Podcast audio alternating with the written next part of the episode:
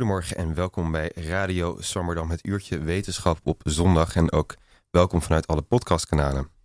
Uh, vandaag gaan we het hebben over de cyborg. Ze zijn geen onbekende in science fiction. Deze half mens, half robot is sterker dan wij, maar ook minder menselijk. De cyborg was voor de Tweede Wereldoorlog nog een verzinsel.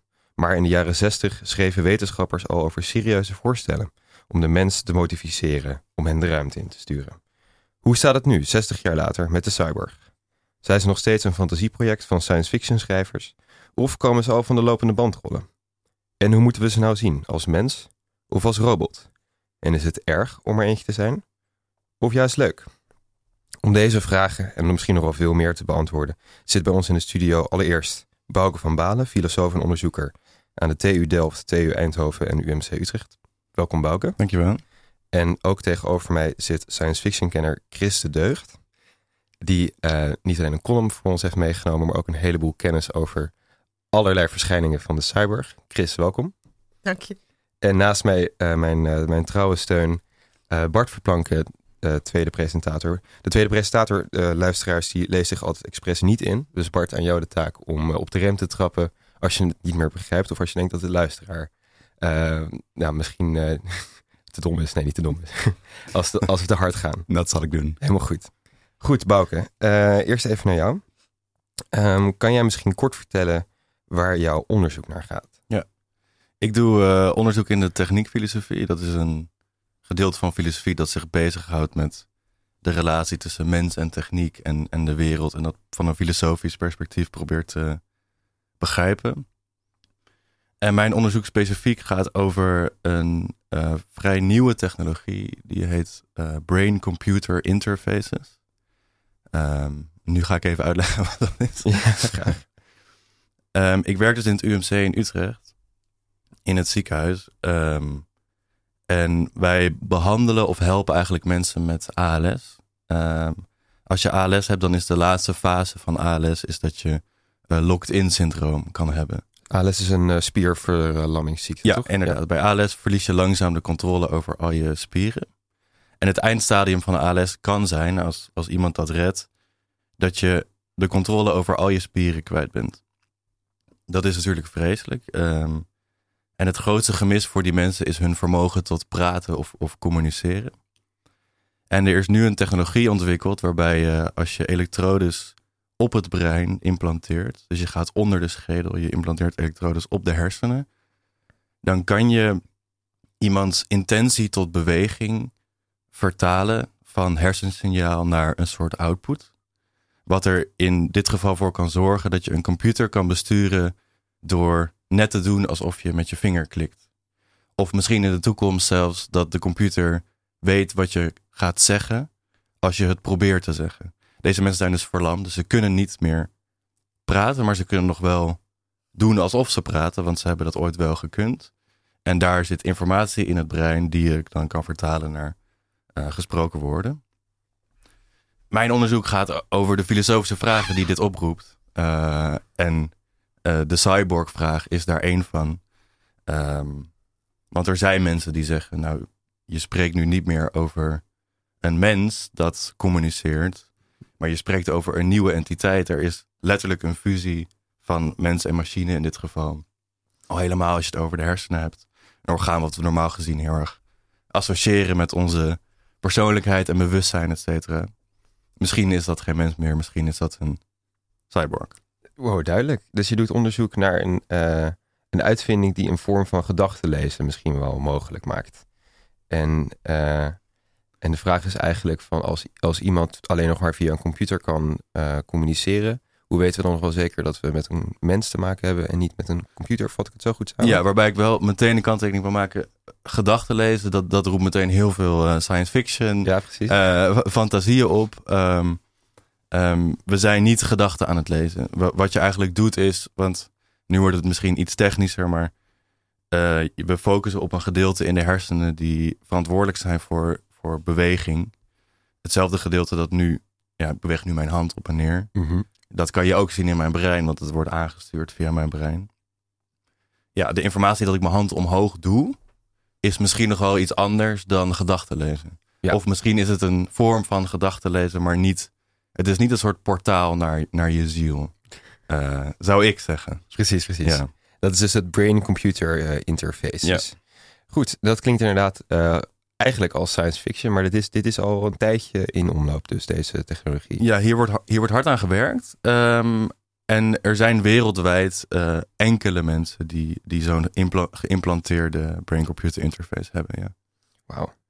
Eh, de cyborg, eh, wat staat voor cybernetisch organisme, is een gedachte-experiment uit de jaren 60, uit een journal over ruimtevaart, waarin beargumenteren de wetenschappers Manfred Kleins en Nathan Klein dat de mens zich zou moeten uitbreiden met technologie binnen in het lichaam om zich voor te bereiden op de ruimtevaart. Ik kijk even naar Chris. Eh, klinkt dat bekend? Eh, zeker. Ehm, het is een eh, bekend verschijnsel dat de Borg eh, mensen assimileren door middel van nanoprobes die ze op de beproefde methode van Transylvanië via de halsaders inbrengen, inschieten. En dan wordt je DNA eigenlijk herschreven. Eh, dus dat is. In, in, wel- in welk, eh, welk universum is dit een bekend eh, verschijnsel? dit is het, het Star Trek-universum. En ehm, ehm, science fiction, je, de, de, de, de literatuur die gaat over de mogelijkheden van, van misschien in de toekomst wetenschap. Denk je dat dat als een soort spiegel voorhoudt, Chris? Absoluut. Ehm, de ontwikkelingen eh, in, de, in de wetenschap daar gelaten. Alles wat in ehm, de, de, de verhalen binnen science fiction zijn altijd eh, een spiegel van wat er werkelijk in onze maatschappij gebeurt. Zoals alle kunst eigenlijk. Zo ook met de, de cyborg. Ehm, ik ga jou een vraag stellen, Bouke.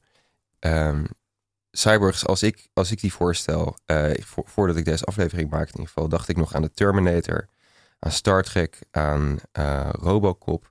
Ehm, en ik denk aan exoskeletten die ook geavanceerde oorlogsvoering mogelijk maken.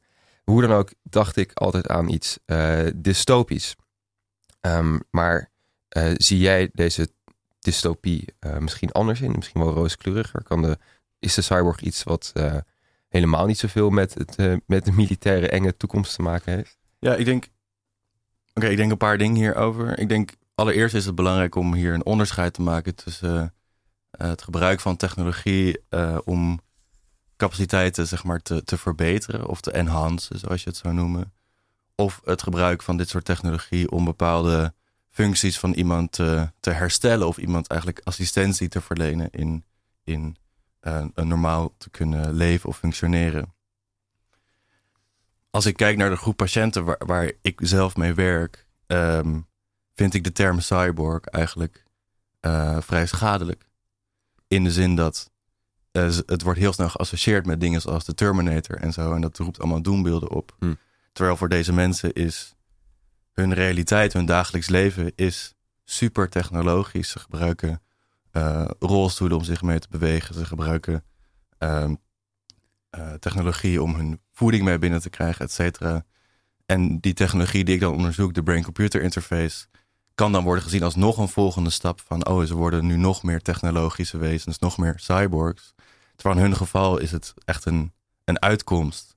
En eh, maakt de, de, de technologie hun niet minder menselijk, maar eigenlijk menselijker. Ehm, en aan de term cyborg kleeft vaak iets, iets onmenselijks. In mijn onderzoek, ik, ik zou zelfs zo ver gaan dat ik zou zeggen dat wij allemaal cyborgs zijn. Eh, en dat het eh, niet zoveel uitmaakt of je nou iets in je lichaam hebt geïmplanteerd of op je hoofd. We zitten hier allemaal met koptelefoons. En, ehm, maar goed, dat gaat misschien iets te, te ver met zijn. Nou, dat klinkt wel heel interessant. Eh, wa- want de cyborg-definitie zoals die dat in dat eh, eh, Journal voor Ruimtevaart eh, tegenkomt, dat gaat echt over een fusie binnen in het lichaam van technologie. En maar jij zegt van we zitten eigenlijk allemaal hier met koptelefoons op, ook al, ook al cyborgs te zijn. Hoe, hoe zit dat? Ik denk dat, en, en hier eh, neem ik een beetje inspiratie uit een, uit een filosoof, Bernard eh, Stiegler. Die, die beschrijft eigenlijk de evolutie van, van mens en van technologie. En zijn punt is een beetje van, nou, wij, wij benaderen technologie altijd als iets wat, wat vreemd is voor ons. Eh, technologie werkt vervreemd. Het is niet menselijk, het is artificieel. En wij zijn natuurlijk. Het is de Terminator. Ja, het is de Terminator. Hij is eigenlijk van, oké, wat maakt een mens anders dan uh, andere dieren? Dan zegt hij van, hij gebruikt daarbij de, de, uh, de, het verhaal van Prometheus, een oude mythe, uh, waarbij Prometheus krijgt de opdracht van Zeus. Um, hey Prometheus, het wordt tijd dat we alle levende dingen die wel sterfelijk zijn, in de wereld gaan brengen. En Prometheus heeft een broertje, Epithemius, en dat is een beetje een sukkel. en die wil het graag doen. En Prometheus is van, ja, ja ik mag mijn broertje wel echt. Ik, ik geef hem dit wel even. Mm. En Epimetheus die heeft een, eigenlijk een soort mand met allemaal kwaliteiten die hij mag geven aan de levende dingen. En de gazelle mag, mag hard rennen, de leeuw wordt sterk en nou, et cetera, et cetera. En dat zorgt eigenlijk voor een perfect uh, natuurlijk evenwicht, want die kwaliteiten zijn precies eerlijk verdeeld. De gazelle kan hard rennen, waardoor niet elke gazelle wordt opgegeten door de sterke leeuw. Nou goed, het idee van natuur is in balans. um, dan komt hij bij de mens en hij heeft een probleem, want de mand is leeg. En de mens is dus eigenlijk een soort van, uh, van nature een gehandicapt wezen. Hm. Wij kunnen niet zoveel. Uh, kijk bijvoorbeeld naar onze huid. We hebben als enige dier niet echt een vacht we hebben kleding nodig om ons warm te houden, et cetera, et cetera. En Prometheus die ziet dat en is van ja, shit, dat is niet, dat is niet zo goed. En dan gaat hij naar Hephaestus. Uh, en Hephaestus, de, de smid. De smid. En die heeft het vuur. En Prometheus stilt het vuur van Hephaestus. En die geeft het eigenlijk aan de mens. Nou, de vuur, vuur staat hierbij voor de mogelijkheid om technologie te maken. Het staat tegelijkertijd ook voor de, de, uh, de kracht van, van de goden. Het vuur was Zeus. En de mens is daarmee eigenlijk uh, gezegend en gevloekt met het vermogen om technologie te maken. Het is een beetje ons lot in die zin. Wij kunnen niet leven zonder technologie. Dat kan je gewoon onderbouwen door te denken: als je een naakt mens ergens in de natuur gooit, is het een illusie dat het op zichzelf kan overleven. We zullen alle, altijd iets van tools of gereedschap gebruiken of kleding moeten maken, et cetera. Dat maakt ons anders dan andere dieren. Nou, lang verhaal. Wat kan je eruit leren?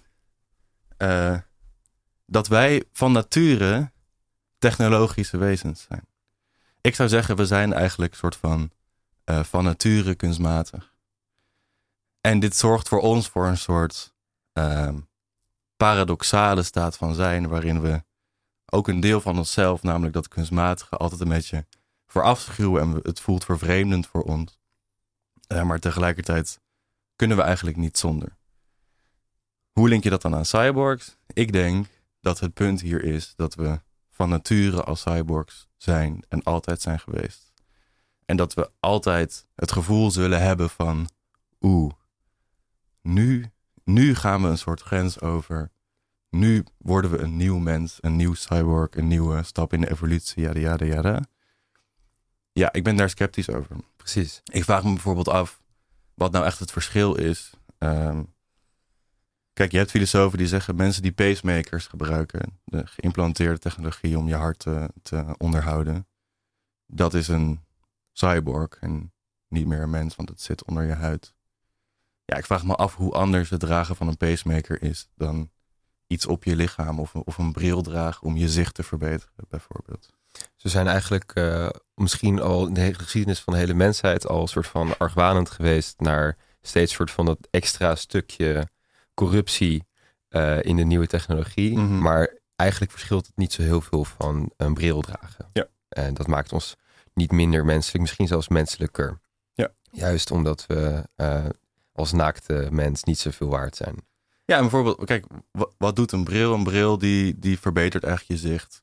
Ja. E- een van de capaciteiten die je hebt als mens, die kan je vergroten door, door een bril te dragen. Het is vaak wat technologie doet, is onze lichamelijke vermogens iets, iets uitbreiden.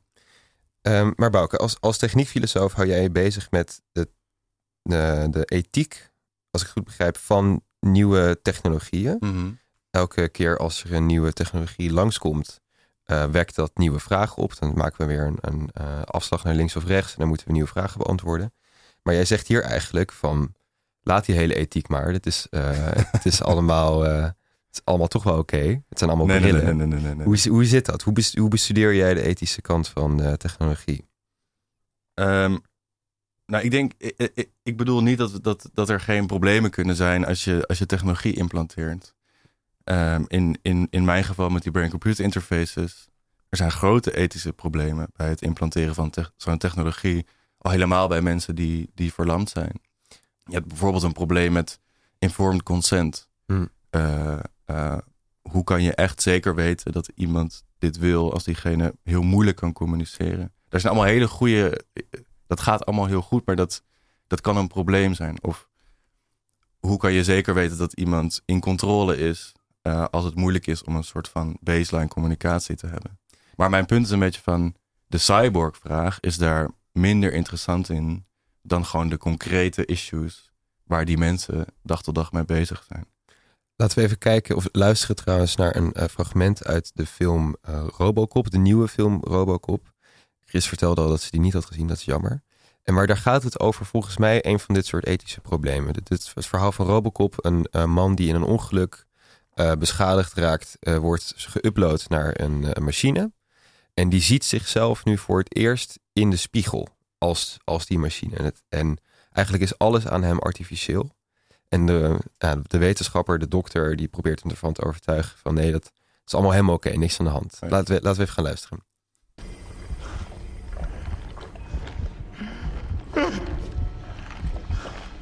Your body may have gone, but you're still here.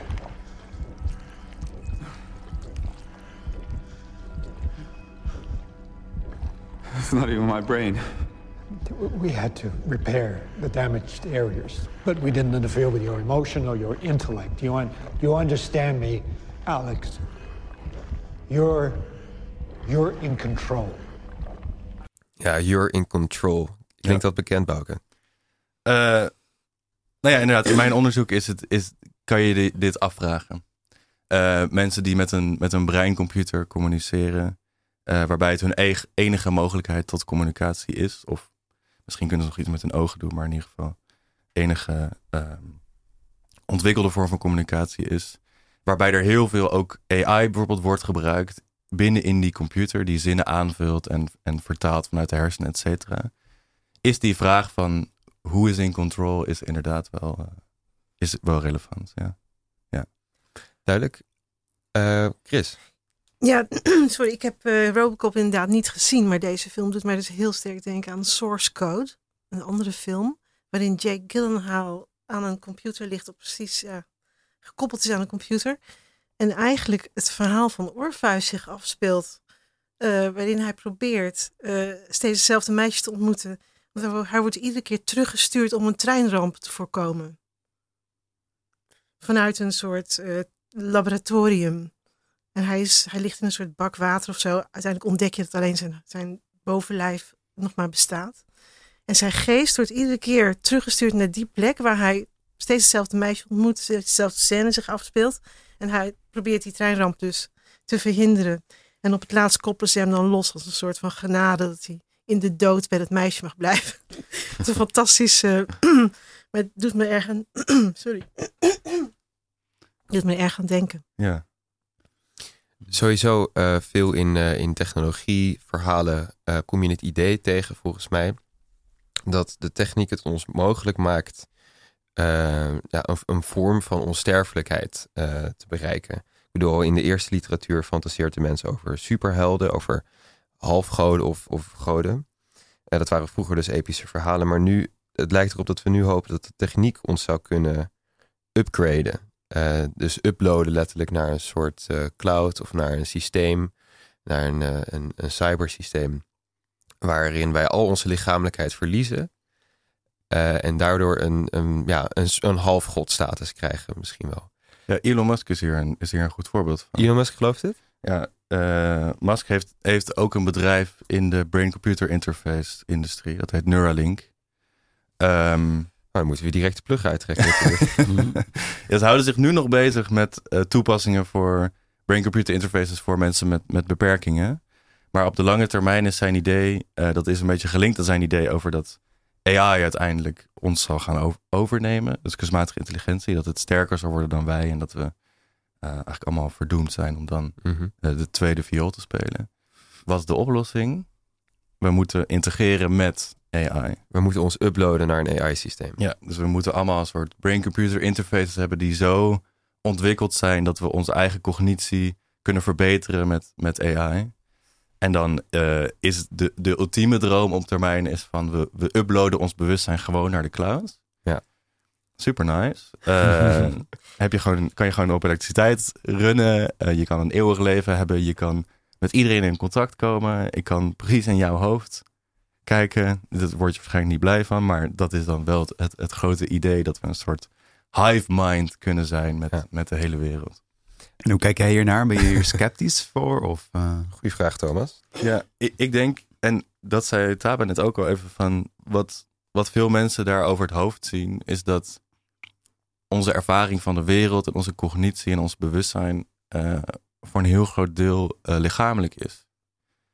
En het idee dat je bewustzijn in je hersenen zit en dat als je daar wat draden in steekt, dat je dat dan kan uploaden naar de cloud, eh, overziet dat compleet.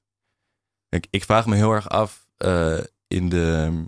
Ik vraag me heel erg af, zeg maar, what is it like? Dat is een, eh, dat is een centrale vraag in de filosofie. Hoe is het om een vleermuis te zijn? Dat kunnen wij nooit weten. Ja, hoe is het om geüpload te zijn in de cloud? Heel moeilijk voor te stellen, omdat, omdat in de cloud geen, je hebt geen lichaam waardoor je de cloud beleeft, zeg maar. En daardoor, ik weet niet, het, het zou kunnen dat je iets van bewustzijn kan uploaden naar de cloud, maar ik vind het moeilijk voor te stellen. Ja. Dus jij zegt eigenlijk, eh, het bewustzijn dat is, dat is wel een, een stukje meer dan alleen maar wat tussen soort van input en output zit. Het is veel meer dan een stukje ongrijpbaar, onzichtbaar stukje software. Ja, heel erg. Het heeft veel meer met het lichaam te maken. Ja. Ja. In de. Oh, wil je wat zeggen? Eh, nee, Nee, Nee, door. Chris Ja, ik- knikt, knikt instemmend. Ik wil Oh, wel wat goed. zeggen, maar ik wacht even tot jij klaar bent. In de, in de filosofie van de geest heb je, heb je het harde probleem van bewustzijn, zo heet dat. En dat zegt dat als ik ehm, jouw brein volledig zou begrijpen, ik zou alle stofjes weten hoe ze werken en ik zou de causaliteit en zo allemaal, allemaal kunnen uitrekenen, heb ik nog steeds geen idee hoe het voor jou is om de kleur rood te zien, bijvoorbeeld. Hmm. Of wat is er eigenlijk rood aan roodheid? Hmm. En dat, dat zegt dus een beetje van je bewuste ervaring is iets wat je eigenlijk onmogelijk uit kan leggen met eh, wetenschappelijke eh, theorieën. Eh, dus in die zin ben ik heel sceptisch over een soort input-output computerachtig idee van het brein. Ehm, wat trouwens ook interessant is, want onze theorieën over bewustzijn zijn altijd gelinkt aan technologieën die op dat moment eh, super hyped zijn eh, de computer, maar nu is het ook meer AI. Dat je, dat je brein vol zit met algoritmes. en voor die algoritmes was het een soort van een, een file storer, alsof je op een desktop zit en je klikt op een mapje van, nou daar zitten blijkbaar je geheugens in. Ja. Ehm, Wij spiegelen ons aan onze eigen creatie. Vroeger Ja. waren we stoommachines. Precies. Stoom uit de oren. Is Ja. het zo? Ja. Zeker. Ja. Daar komt het vandaan. Oh. De uitspraak. Ik, Chris. ik- ik moet even denken aan Ja. eh, een ander experiment van de Borg, waarbij eh, de Borg koningin op een eh, Android een stukje huid eh, laat ehm, monteren, zodat hij voor het eerst, eh, en dan blaast ze over de haartjes op die huid, en dan krijgt hij dus eh, rillingen die hij als Android nooit eh, gehad heeft. oh ja. Dus is dit iets wat ehm, je zegt van, eigenlijk kun je nooit voorstellen hoe het is om iets te voelen, omdat je geen lichaam hebt. Ja, Of die lichamelijke sensatie kun je je niet inleven. Ja. Dit is eigenlijk wel een heel grappig experiment wat zij dan uitvoert. ja dus, en dat is nu dus ook in de robotica, is dat nu ook steeds meer Ja. een ding dat er meer aandacht wordt besteed aan wat, wat voor lichaam geef je zo'n robot eigenlijk. En we moeten niet alleen maar nadenken over wat voor dingen ze kunnen processen in hun hoofd, of hoe je het ook wil noemen. Ja. Maar ze misschien ook inderdaad zintuigelijke vermogens geven die je aan, aan een lichaam linkt. Of zoals de Borg Queen het eh, naar hem eh, formuleert. eh, Are you familiar with physical forms of pleasure? Eh, ja, hoe meer ze op mensen gaan lijken en hoe meer wij eh, ons in hen gespiegeld zien, ook misschien wel, eh, hoe meer we ook rekening moeten gaan houden met, eh, met de cyborg als, als misschien wel voelend iets. Eh, daar gaan we het straks over hebben. Eh, eerst wil ik Chris vragen om eh, met haar column te beginnen. Chris. Ja, de emoties van de Borg. Ehm, goed, Borg voor beginners heb ik het genoemd. Ehm, niet iedereen is bekend met Star Trek niet iedereen houdt ervan, helaas. Ehm, science fiction is altijd een spiegel van onze wereld geweest. In dit parallele universum zijn de fascistoïde Borg ontstaan. Verreweg de beroemdste cyborgs in het heelal. Dit leek mij echt een leuk onderwerp om op zondagochtend eh, iets over te vertellen. Tot ik plotseling de werkelijkheid gereflecteerd zag. Voor wie ze nog niet kent, eerst iets over de Borg. Ze hebben een menselijke gestalte, eh, waarin technologische delen zijn geïmplanteerd. De afzonderlijke Borg worden drones genoemd. Het zijn inwisselbare darren in een bijenkorf, slaven in dienst van een koningin. Alle drones zijn verbonden in een cloud, die de hive mind genoemd wordt, ehm, waar snel en efficiënt bevelen gecommuniceerd worden. Als een drone afwijkend gedrag vertoont, wordt deze ontkoppeld en ontmanteld. De koningin van de Borg kent geen mededogen. Het collective, zoals deze dictatuur zich noemt, is zichzelf voortdurend aan het perfectioneren. Op hun rooftocht naar kennis onderwerpen ze hele volkeren door assimilatie. Deze mensen worden als nieuwe drones toegevoegd aan het collective. Men verzet zich, uiteraard. De eerste drones schiet je neer, maar al na enkele schoten hebben ze zich aangepast aan je wapen. De Borg heeft ook een soort tekst die ze dan altijd uitspreken. Uh, we are Borg. You will be assimilated. Your distinctiveness will be added to our own. Uh, you must comply. Resistance is futile. Ze zijn niet helemaal zonder literaire capaciteiten. Uh, de assimilatie gebeurt door middel van uh, een beproefde methode die haar oorsprong in Transylvanië vindt.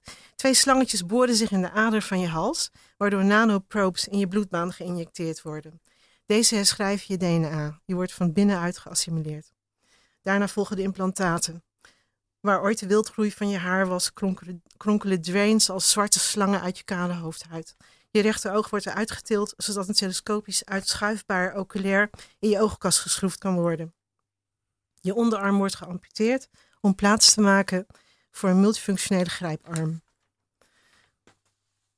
De meest bekende en beminde Borg uit de geschiedenis is Seven of Nine. Zij valt in handen van Starfleet. Ze verbreken haar connectie met het collectief en proberen haar assimilatie te niet te doen, zodat ze weer een mens kan worden. Een mooi streven waar het niet dat Seven dit helemaal niet wil. Ze is als kind geassimileerd en wil terug naar haar veilige collectief, waar ze omringd wordt door de stemmen van de Borg, waaronder die van haar ouders. Ze weigert om de gedwongen transformatie tot mens te ondergaan. Ze staat hier overigens niet in alleen. De dokter die dit moet uitvoeren vindt het niet ethisch om zijn patiënt tegen haar wil van identiteit te laten veranderen. Maar het oordeel is aan Catherine Janeway, een, be een bevelhebber die niet terugdeinst voor onethische beslissingen. Zij bepaalt dat Seven niet in staat is een, rationale, een rationeel besluit te nemen, zolang de nanoprobes nog in haar systeem zitten. Tot ze weer in staat is zelf na te denken, zal Janeway de beslissingen voor haar nemen. Seven verzet zich. Janeway laat haar opsluiten. In de discussie die volgt, vraagt Seven aan Janeway: Als ik dan een individu word en nog steeds terug wil naar de Borg, laat je me dan gaan? Janeway denkt dat Seven dat dan niet meer wil. Seven stelt: Dus in naam van het recht op zelfbeschikking hou je me gevangen en ontneem je me het recht om over mijn eigen lichaam en mijn eigen lot te beschikken. Janeway, ik neem de beslissingen voor jou tot je weer rationeel kunt denken. Je gaat niet terug naar de Borg, je blijft hier. Seven keert zich af van Janeway. Dan ben je net zo erg als de Borg. Als een gehersenspoeld sectelid beseft Seven niet dat ze een mens is. Janeway neemt haar tegen zichzelf in bescherming door haar te helpen om weer een mens te worden. Maar toch voel ik met Seven mee. Haar argumenten hebben ook waarde. Ik begrijp dat ze terug wil naar de veiligheid van haar vertrouwde wereld. Het conflict in deze scène voelt zo essentieel omdat het gaat over wat het is om een mens te zijn. En vooral, wie zal dat bepalen? Dat was fictie. Enkele lichtjaren verder komt er op Twitter een toespraak voorbij die een echo lijkt van het conflict tussen Janeway en Seven. Het noordelijk halfrond, Montana. Een moeder vertelt aan het publiek dat haar dochter genderdysforie heeft en al drie jaar suicidaal is. Toch verbiedt ze, toch verbiedt ze haar dochter transgender hulp. Ze probeert haar dochter te dwingen tegen haar wil een vrouw te worden. Haar argument, ik parafraseer, Ik weet dat de kans op zelfmoord vermindert door een operatie. Heb ik dat ervoor over om mijn dochter te redden? Nee. Ik heb nachten op mijn knieën gebeden, bang dat mijn dochter ochtends dood zou zijn.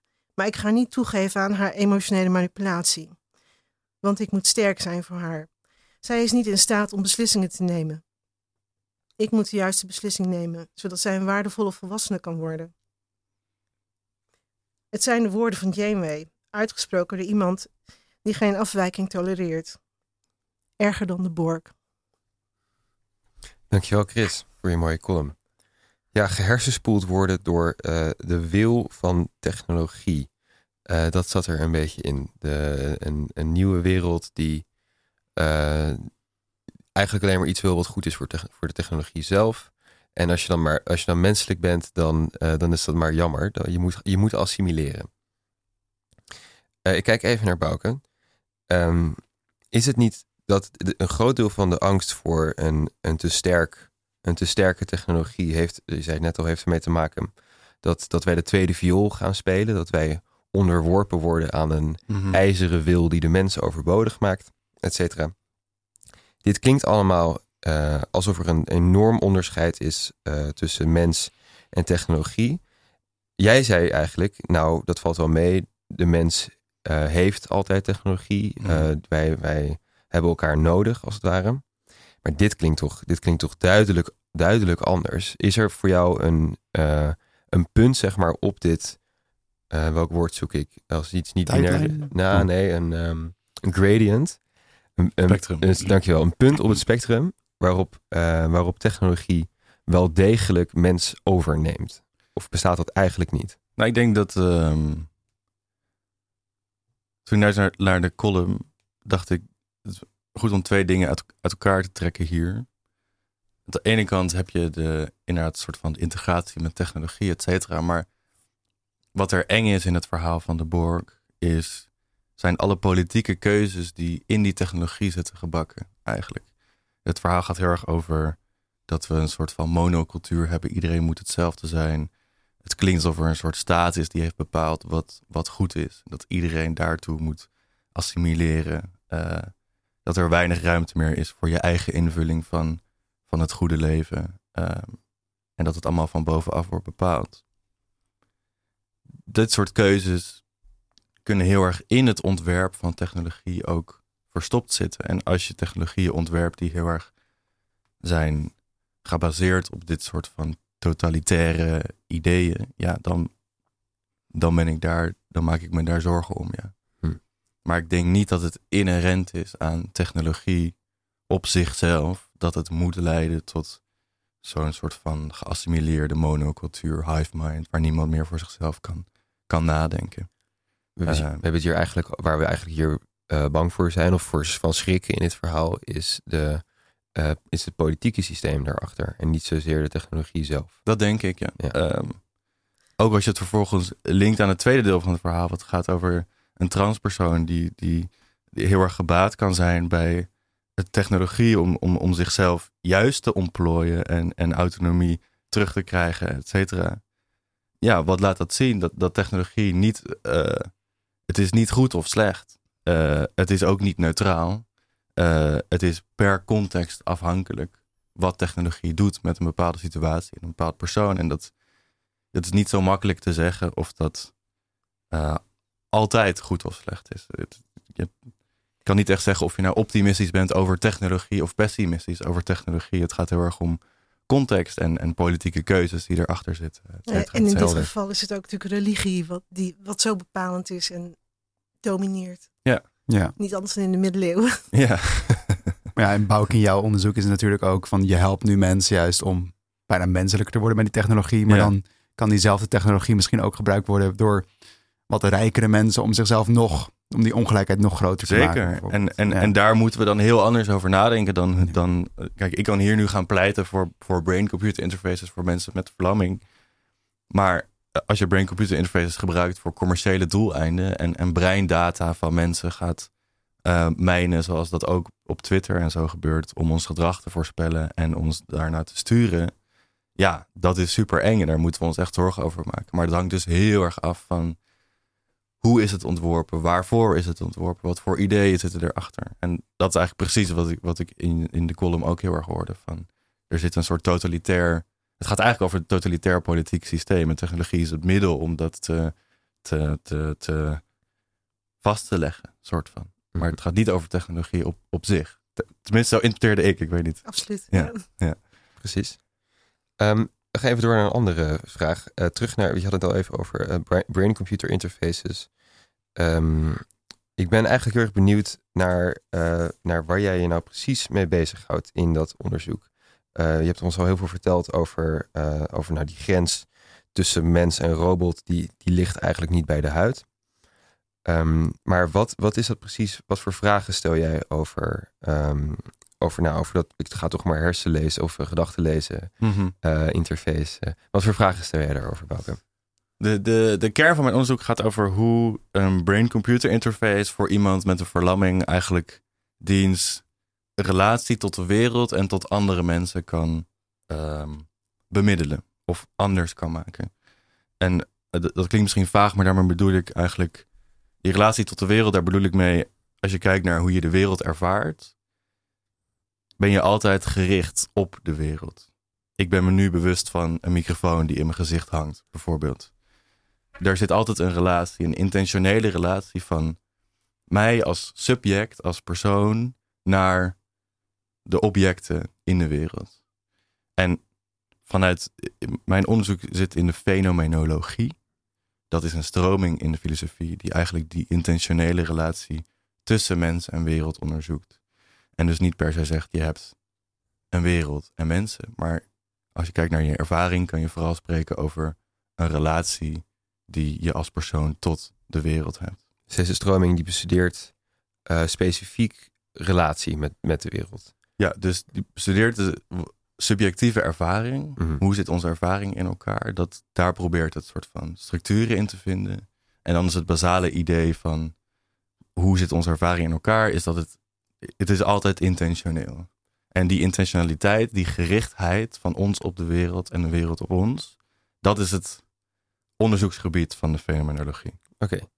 En je gaf als voorbeeld, er hangt nu een microfoon in je gezicht. Dus dit is jouw ervaring naar de wereld toe is nu verradioed, als het ware. Ja, en, en wat er bijvoorbeeld ook gebeurt, als ik er echt helemaal in kom, dat, dat de microfoon die voor mijn gezicht hangt eigenlijk verdwijnt die, die, die gaat naar de achtergrond van mijn, van mijn ervaring. En in de fenomenologie zou je dan kunnen zeggen dat ik de microfoon op dat moment op een bepaalde manier belichaam. Uh, dat ik hem ga ervaren als een extensie van mijn stem.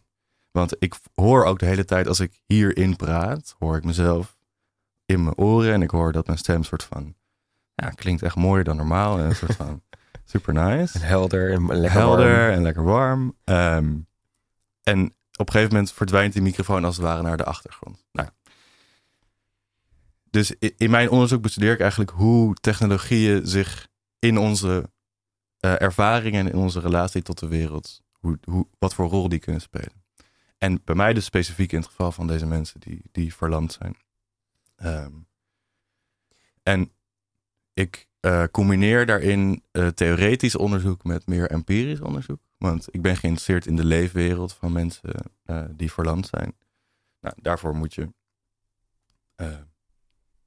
empirisch onderzoek doen, want ik weet dat natuurlijk niet. Jij bent, jij bent niet verlamd? Ik ben niet verlamd. Even voor de luisteraar. Voor de duidelijkheid. Ja. Um, en dat combineer ik met filosofische analyse.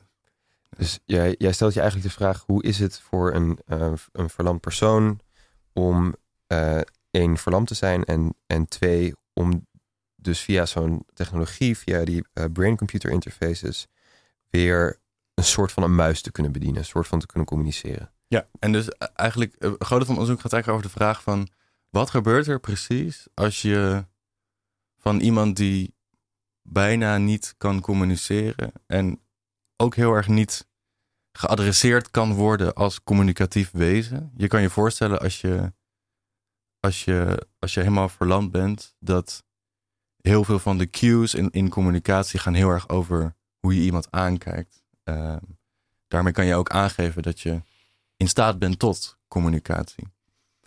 En mijn onderzoek gaat eigenlijk heel erg over de vraag van oké, wat gebeurt er als we als we iemand die misschien heel veel van dat vermogen is kwijtgeraakt, door de lichamelijkheid te zijn verloren, de mogelijkheid terug kunnen geven om weer adresseerbaar te zijn als communicatief persoon.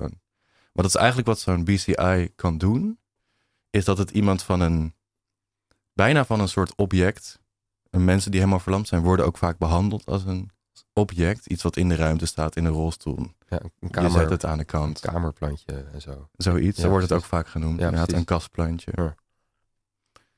En die technologie kan er eigenlijk voor zorgen dat iemand van object weer in een soort subject verandert. In ieder geval vanuit de perceptie van anderen. Voor die persoon zelf was je altijd al een, een subject. Ehm, ja, dat vind ik fascinerend. Wat er, ja, wat, er, wat er dan gebeurt in je eigen leefwereld ook. En dit, Ehm, dit onderzoek loopt nog. Eh, Je, je, je bent er nog niet helemaal uit waarschijnlijk over Nee. wat, er dan, wat er dan precies gebeurt. Nee. Maar dit is een goede, goede eerste vraag. Ehm, ik moet het toch vragen. Jij bent natuurlijk niet verlamd. eh, Maar ben je wel eens aan zo'n eh, brain-computer interface gelinkt? Hoe is dat? Heb je dat gedaan? nee. Nee. Ehm, mijn, mijn promotor zei dat op een gegeven moment. Van ja, als jij echt. Als je fenomenologisch onderzoek wil doen en je wil weten hoe dat is, dan moet je je misschien maar laten implanteren. Ehm, Zou je dat doen?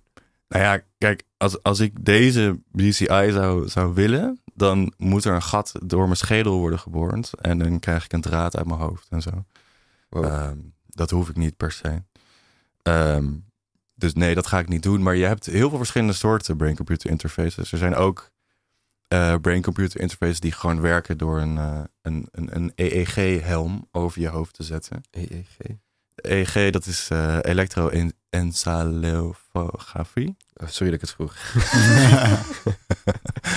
Het is een manier om ehm, eh, elektriciteit op je schedel te kunnen meten. Je hersenen zijn, maken de hele tijd, die communiceren met elektrische signaaltjes. Ja.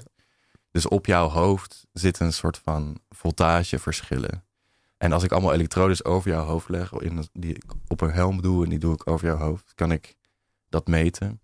Daarmee kan je ook een, een, een computer besturen.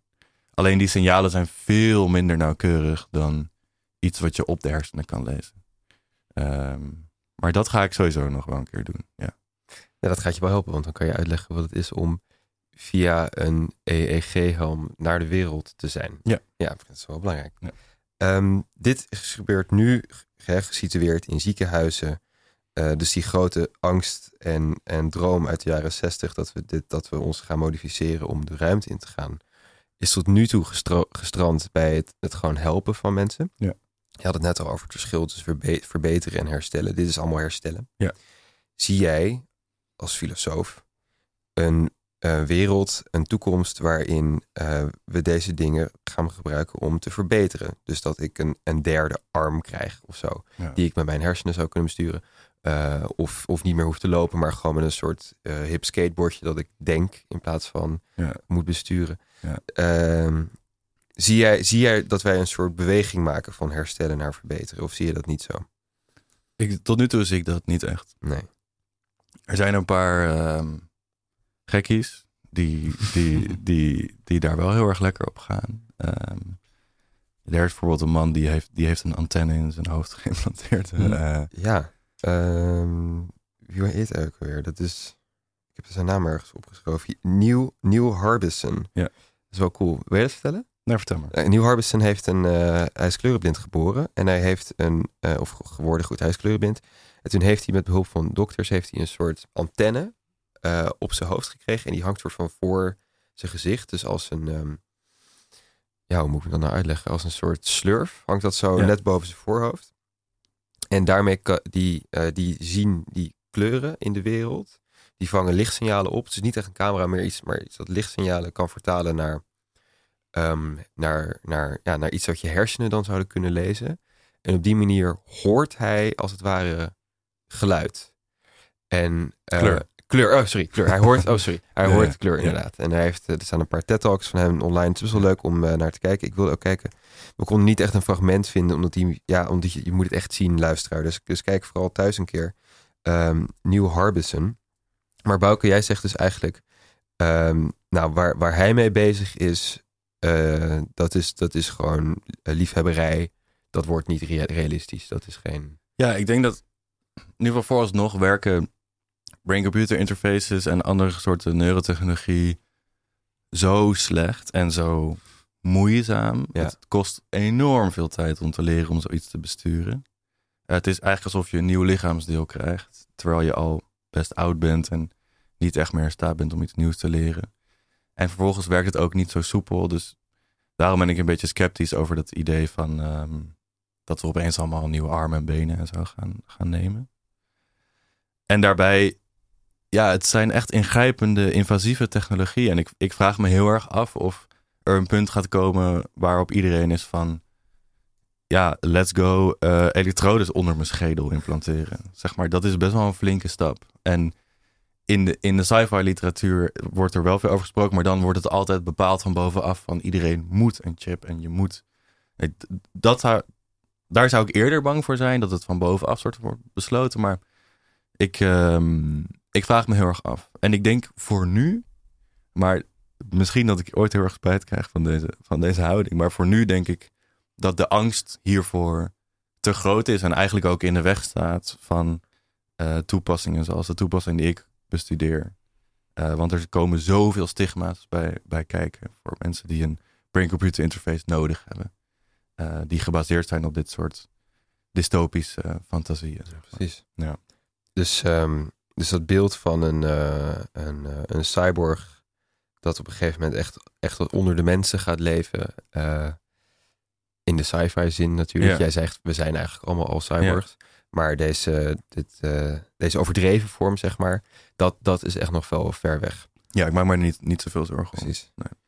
En Eh, Bouke, maak jij je misschien zorgen over augmented reality? Dus wat je een, een bril opzet en daarmee een soort van eh, digitale dingen kan toevoegen aan de, aan de wereld. Ja. ja, dan zou ik dus opnieuw zeggen van ligt heel erg aan welke context en, en waarom wordt het gebruikt, et cetera.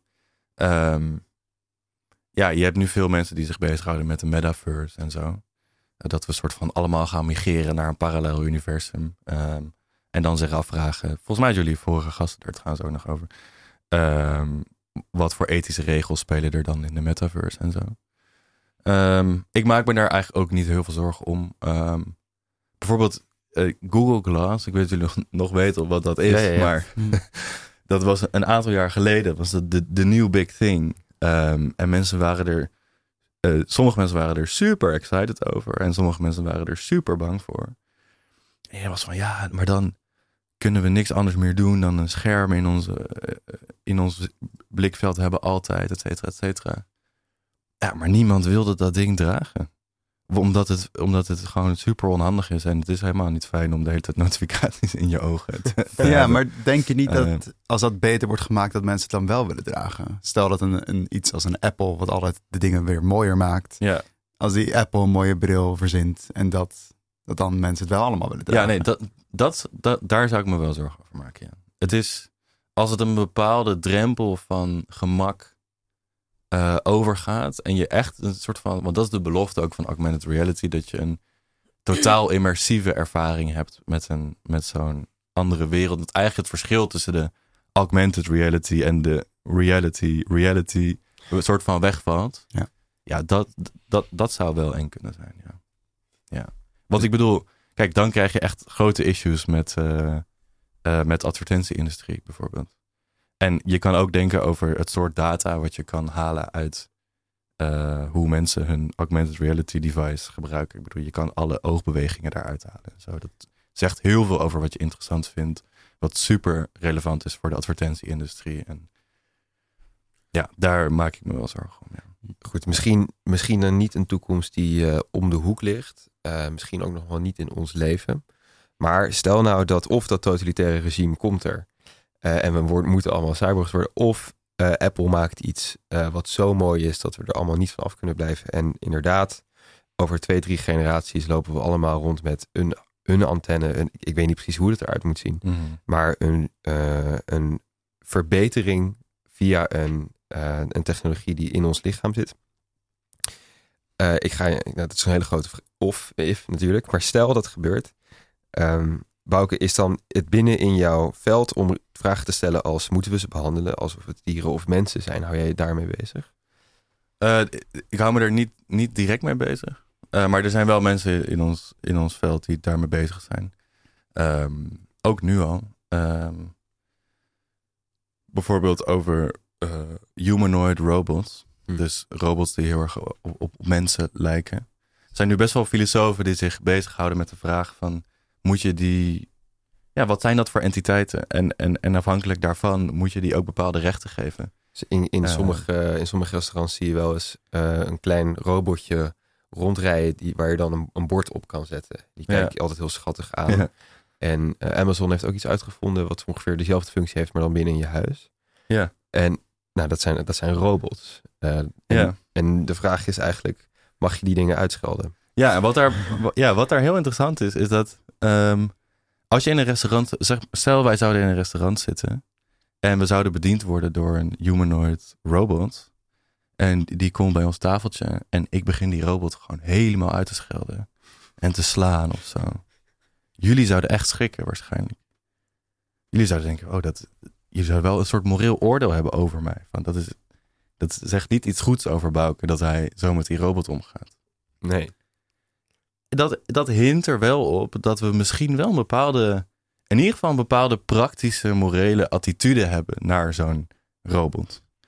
Je kan je nog steeds afvragen van, ja, maar als die robot geen bewustzijn heeft en geen gevoelens, maakt het misschien op rationeel niveau een soort van niet uit. Maar ik, dit vind ik wel een interessant gegeven en dat is ook een soort van de basis waarom veel mensen hierover aan nadenken zijn van, oké, ja, misschien hebben we wel een soort van morele verhouding naar robots toe en misschien moeten we dan dus wel nadenken over regels hoe je met robots om, om kan gaan of zo. Ik zag daar deze week nog een filmpje van een, eh, eh, van een vrouw, ik geloof in, in Japan, die in een ziekenhuis was. Dat ziekenhuis is, daar, als je daar binnenkomt, kan je niet meer met een mens interacteren, maar alles wordt door robots gedaan. En die vrouw was zo gefrustreerd dat ze opeens gewoon die robot helemaal kapot begon, begon te slaan. Oké. En er kwam zo'n grote cirkel omheen. En iedereen was echt geschrokken. En tegelijkertijd voel je ook dat je het wel begrijpt. Want vooral als je ziek bent, wil je, wel graag met een mens interacteren. Ja, maar, precies. nou ja, het is interessant. Goed, Ja. het zijn grote vragen. We hebben een, een mooie bodem gelegd hier in eh, deze aflevering van Radio Swammerdam. Eh, we gaan afronden. Even nog heel kort. Eh, wat is een cyborg? Hebben we behandeld? Dat is nou eigenlijk iedereen. Is een cyborg nieuw? Nee, al sinds het vuur van de goden hebben, we- hebben we dat. Moeten we bang zijn voor cyborgs? Alleen als ze totalitair zijn, zijn ze zielig. Misschien wel, als we, op ze, als we ze uitschelden. Eh, moeten we ze behandelen alsof het dieren of mensen zijn? Nou, we weten het eigenlijk niet. En hoe ziet de toekomst eruit? Of Apple of totalitair. Goed, ik wil jullie graag hartelijk bedanken. eh Ba- Bouke van Baden, filosoof en onderzoeker aan de TU Delft, TU Eindhoven en UMC Utrecht. Science fiction kenner Christe Deugd en ehm, Bart Verplanken, mijn eeuwige steun. Eh, ik ben Tabe Bakker en dit was de aflevering over cyborgs in Radio Swammerdam. Tot de volgende keer.